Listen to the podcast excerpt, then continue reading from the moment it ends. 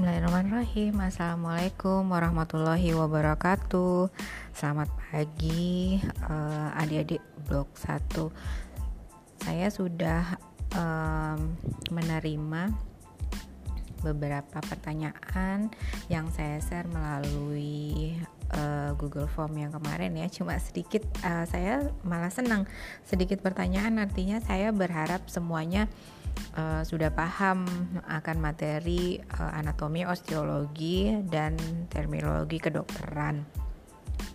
Uh, Oke, okay, saya coba uh, jawab ya ada uh, mungkin sekitar 3 atau 4 uh, pertanyaan yang tentang osteologi dulu ya. Nah, osteologi ada yang menanyakan, uh, dok rekomendasi buku untuk belajar anatomi apa? Sebenarnya ini juga sudah waktu kita perkuliahan kemarin ya. Jadi saya meg, uh, megang buku uh, biasa menggunakan netter. Kemudian uh, textbooknya uh, Grace Anatomi. Kemudian kalau mau mau uh, melihat uh, sediaan sediaan kadaver utuh atau diseksi kemudian preparat yang asli kita bisa uh, kita uh, pakai yokochi bisa. Kemudian kalau biasanya mahasiswa suka juga beli uh, sobota ya nggak masalah. Sobota memang kadang ada beberapa terminologi yang antara sobota dengan ether berbeda nggak apa-apa. Tapi kalian patokannya adalah uh, apa namanya nomina anatomika dari VIPAT itu ya yang saya sudah share itu. Jadi kita pakai yang bahasa latinnya itu. Jadi kalau mau pakai itu juga boleh. Nah uh, ada yang terbaru itu ada atlas namanya Prometheus. Prometheus itu dia lebih lengkap lagi karena uh, bukan hanya membahas soal anatomi juga fisiologi bahkan sampai dari embriologi sampai dengan tahap uh, aspek klinis ya. Jadi cukup komplit. Itu juga boleh jadi alternatif kalian uh, untuk belajar uh, untuk belajar textbooknya atau anatominya ya. Jadi dikembalikan lagi ke kalian. Tapi kalau untuk mau ringkas dan uh, mudah dibawa ke mana-mana netter saya rasa cukup. Dan tidak harus membeli sekali lagi tidak harus membeli. Tapi kalian um, uh, wajib punya misalnya e-booknya atau boleh pinjam atau gimana tapi tidak harus membeli ya. Itu kemudian yang kedua lagi masih bingung uh, pertanyaan kedua lagi masih bingung dok terhadap uh, bone marking. Bingung um, sebenarnya yang dibingungin apa ya? Mungkin memang ada beberapa ada beberapa uh, istilah tuh kayak misalnya spina, kemudian ada prosesus itu sebenarnya bagaimana sih membedakannya ya memang agak su su uh, sukar memang kalau kita tidak melihat preparatnya langsung ya. Jadi uh, tapi usahakan aja lihat atlas, kemudian bandingkan gambarnya. Kalau misalnya dapat di preparat itu um, ada spina, oh ini spina di sini. Kemudian ini juga spina. Apa ya kesamaannya? Oh ternyata dia misalnya permukaannya lebih runcing misalnya gitu. Atau bedanya dengan krista atau apa lebih runcing lagi. Kalau spina mungkin permukaannya runcing tapi ujungnya tumpul. Kemudian kalau uh, krista lebih uh, lebih ini lagi apa lebih runcing. Kemudian nanti apa bedanya dengan tuberkulum? Nah, tuber tuberkulum atau tuberositas. Tuberkulum kalau misalnya permukaannya ada kayak peninggian, kemudian kalau dia banyak jadi tuberositas kayak gitu ya. Jadi diperhatikan aja misalnya perbedaan antar satu struktur dengan satu yang lain ya gitu. Kemudian um, ada yang bertanya, dok masih bingung membedakan os clavicula. Nah, os clavicula itu uh, berbeda dengan kalau kita membedak, uh, membedakan antara humerus dextra sama sinistra ya. Kalau humerus dextra dan sinistra kan kita bisa membedakan oh ya dia kaputnya selalu menghadap ke medial, kemudian ada fossa oleh krani di belakang, berarti kita bisa memposisikan dia dextra atau sinistra. Tapi kalau clavicula dia tidak bukan tidak ada uh, dextra sinistranya tetap ada karena dia uh, ada os clavicula dextra ada yang sinistra. Hanya saja untuk mengidentifikasinya bukan bagian kiri atau bagian kanan dari satu tulang itu tapi lebih ke fasies um, superior atau fasies inferior atau permukaan uh, atas atau permukaan bawahnya ya Nah, kemudian ujung-ujungnya kita lihat di ujung-ujungnya itu ada uh, ekstremitas ternalis, ada ekstremitas akromialis. Itu uh, sangat beda. Jadi kalau uh, ekstremitas ternalis dia uh, fasies artikularisnya atau tempat di mana dia mengadakan uh, artikulasio atau mengadakan persendian dengan sternum itu dia lebih cekung datar. Sedangkan kalau misalnya yang akromion dia lebih menonjol. Nah itu. Terus dan lebih agak sedikit le lebih lebar ya. Nah kemudian kalau misalnya uh, permukaan atas uh, sama bawahnya kalau atasnya sangat smooth sangat mulus sedangkan di bawahnya jadi ada cekungan kecil. Cekungan kecil ini kita sebut dengan incisura uh, subclavia ya incisura subclavia. Uh, itu nanti bisa dilihat di anunya apa namanya di atlasnya ya. Itu yang clavicula bedakan dulu dia apakah ekstremitas ternalis atau ekstremitas akromialis jadi apakah dia nanti berhubungan dengan sternum ujung yang di sini apakah berhubungan dengan akromion dari scapula. Setelah itu bedakan apakah dia ini permukaan atas atau permukaan bawah ya. Seperti itu. Oke kemudian satu lagi tentang scapula ada yang menanyakan dok apakah uh, fossa subscapularis itu sama dengan fascies costalis? Ya. Jadi uh, apakah itu sama atau berbeda? Ya. Uh, sebenarnya sama ya. Mungkin istilahnya entah mungkin kalian dapat di mana ya. Jadi kalau fasies itu berarti permukaan kostalis berarti permukaan yang nanti terpapar atau uh, berhubungan dengan kosta. Nah kalau di tulang itu sendiri, kalau di tulang skapula itu sendiri, itu kita sebutnya fossa subscapularis. Jadi ada suatu dataran yang hmm, uh, sangat luas, kemudian di situ nanti uh, disebut subscapularis. Nanti ada otot lagi namanya uh, musculus subscapularis ya. Itu uh, sama ya. Jadi terminologinya sama ya. Oke. Okay mungkin itu yang dari osteologi kemudian yang hmm, terminologi ada yang bertanya cuma beberapa. Alhamdulillah jadi nggak terlalu banyak ya. Terminologi sangat banyak dok yang blok 1 sampai sejauh mana. Jadi memang banyak ya. Mungkin uh, saya juga uh, nanti mengevaluasinya yang sesuai yang sudah disampaikan aja yang atau yang familiar familiar didengar aja dulu. Soalnya kalau memang belum masuk blognya terus saya tiba-tiba menanyakan terminologi di situ mungkin kalian agak susah memahaminya sama sangat banyak karena seperti kita belajar bahasa Indonesia seperti anak SD yang belajar bahasa Indonesia oh ini buku oh ini ternyata bab eh, oh ini ternyata kursi yang kayak gitu-gitu ya.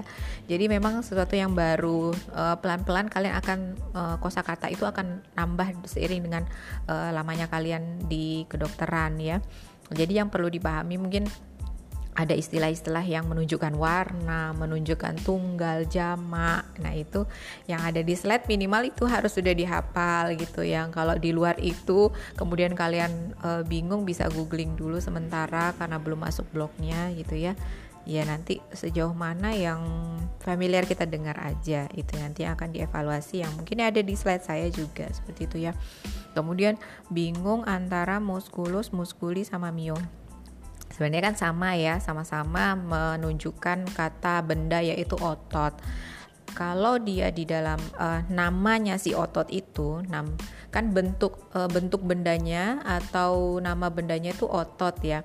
Uh, makanya dia muskulus. Tapi kalau dia kumpulan banyak otot itu kita sebut dengan muskuli Kemudian kalau dia berubah nama menjadi Mio itu kalau di memang disebut abnormal bukan abnormal karena dia ada kelainan tapi dia eh, katanya itu berubah jadi tidak seperti biasa enggak kata normalnya maksudnya tidak eh, kata kata aslinya ya kalau misalnya kursi kursi kalau kursi biasa tapi kalau misalnya kursi ini dia bentuknya besar kemudian digunakan oleh para raja pasti namanya singgasana ya kan bukan kursi lagi gitu nah sama seperti ini uh, otot kalau dia banyak adalah kumpulan otot tapi ketika dia digunakan dengan penambahan sufiks di belakangnya dia menjadikan suatu kondisi tertentu. Jadi ini sekaligus menjawab yang pertanyaan berikutnya lagi ya, yang pertanyaan tentang sufiks yang ada akhiran is is di belakangnya atau sia atau enesis dan lain sebagainya. Nah, e, itu tuh menunjukkan ada suatu bentuk kata baru di mana kata benda yang tadi itu mengalami e, suatu kondisi. Misalnya kayak tadi ya, e, muskulus otot. Kalau dia bentuk jamaknya adalah muskuli. Kemudian kalau misalnya dia bentuk yang abnormal, eh kita jangan bentuk abnormal atau bentuk lainnya, bentuk lainnya jadi mio. Misalnya kayak uh, miokarditis. Mio artinya otot, karditis itu berasal dari kardio berarti jantung. Ada penambahan itis di belakangnya berarti otot jantung yang mengalami peradangan.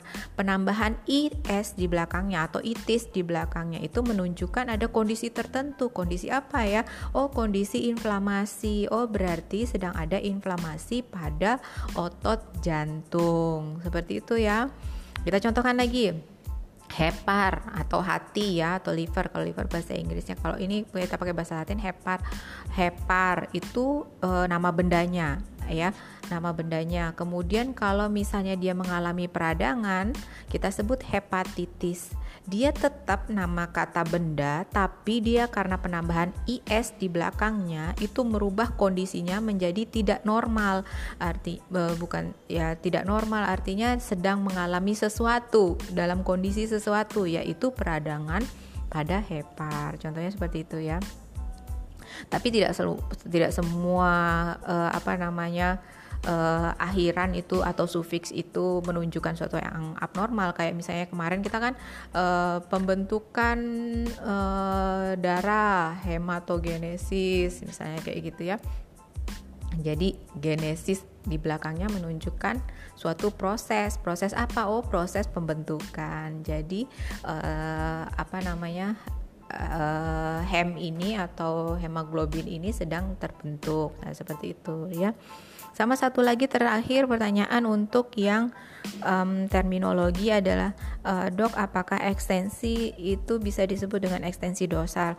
Prinsipnya gini, ekstensi itu adalah gerakan di posisi 0 derajat atau posisi anatomis ya Posisi anatomis bagaimana? Tegak, mata ke depan, wajah ke depan, kemudian telapak tangan ke depan, kaki uh, menapak uh, apa namanya?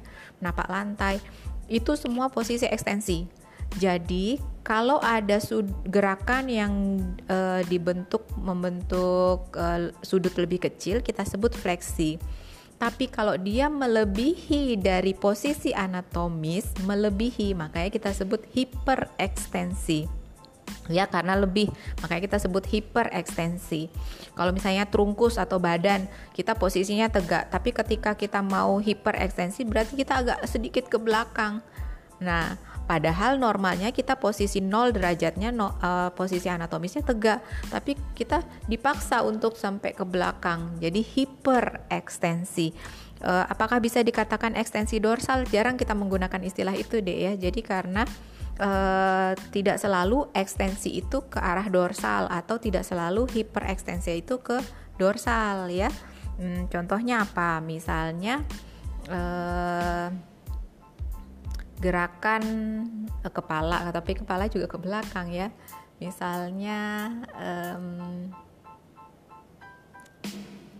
femur atau kokse ya, kokse. Nah, kokse, tapi kalau kokse nggak ada juga hiperekstensinya ya. Hiperekstensi biasanya kita menggunakan uh, trunkus kemudian uh, apa kepala sefal ya karena kan hiperekstensinya ke belakang kemudian badan juga ke belakang. Sedangkan kalau kaki kita mau hiperekstensikan itu tidak ada istilah hiperekstensi ke depan ya karena dia nanti akan membentuk fleksi di daerah femur ya. Mungkin bisa ke hiperekstensinya kalau di kaki adalah uh, apa namanya femur kita uh, bawa ke belakang jadi uh, uh, paha atau femur kita bawa ke belakang. Kan kalau ke depan dia kan fleksi karena membentuk sudut dengan panggul ya. Tapi kalau dia ke belakang jadi hiperekstensi. Tapi tidak selalu ke belakang. Makanya kita cari gerakan yang um, ke depan misalnya apa ya? Hmm nanti deh saya, uh, saya saya carikan lagi ya tapi tidak uh, tidak tepat kalau menggunakan ekstensi dorsal ya. Kita menggunakan istilah kita samakan aja persepsi kita menggunakan istilah kalau lebih dari titik atau lebih dari um, posisi anatomi kita sebutnya hiperekstensi ya seperti itu. Oke terima kasih uh, atas pertanyaannya. Uh, cuma beberapa kurang dari 10 uh, saya sangat uh, senang Artinya banyak yang paham daripada yang kurang paham ya. Semoga nanti ujiannya lancar dan uh, bisa dapat nilai yang maksimal. Terima kasih, selamat ujian. Assalamualaikum warahmatullahi wabarakatuh. Selamat pagi dan tetap sehat.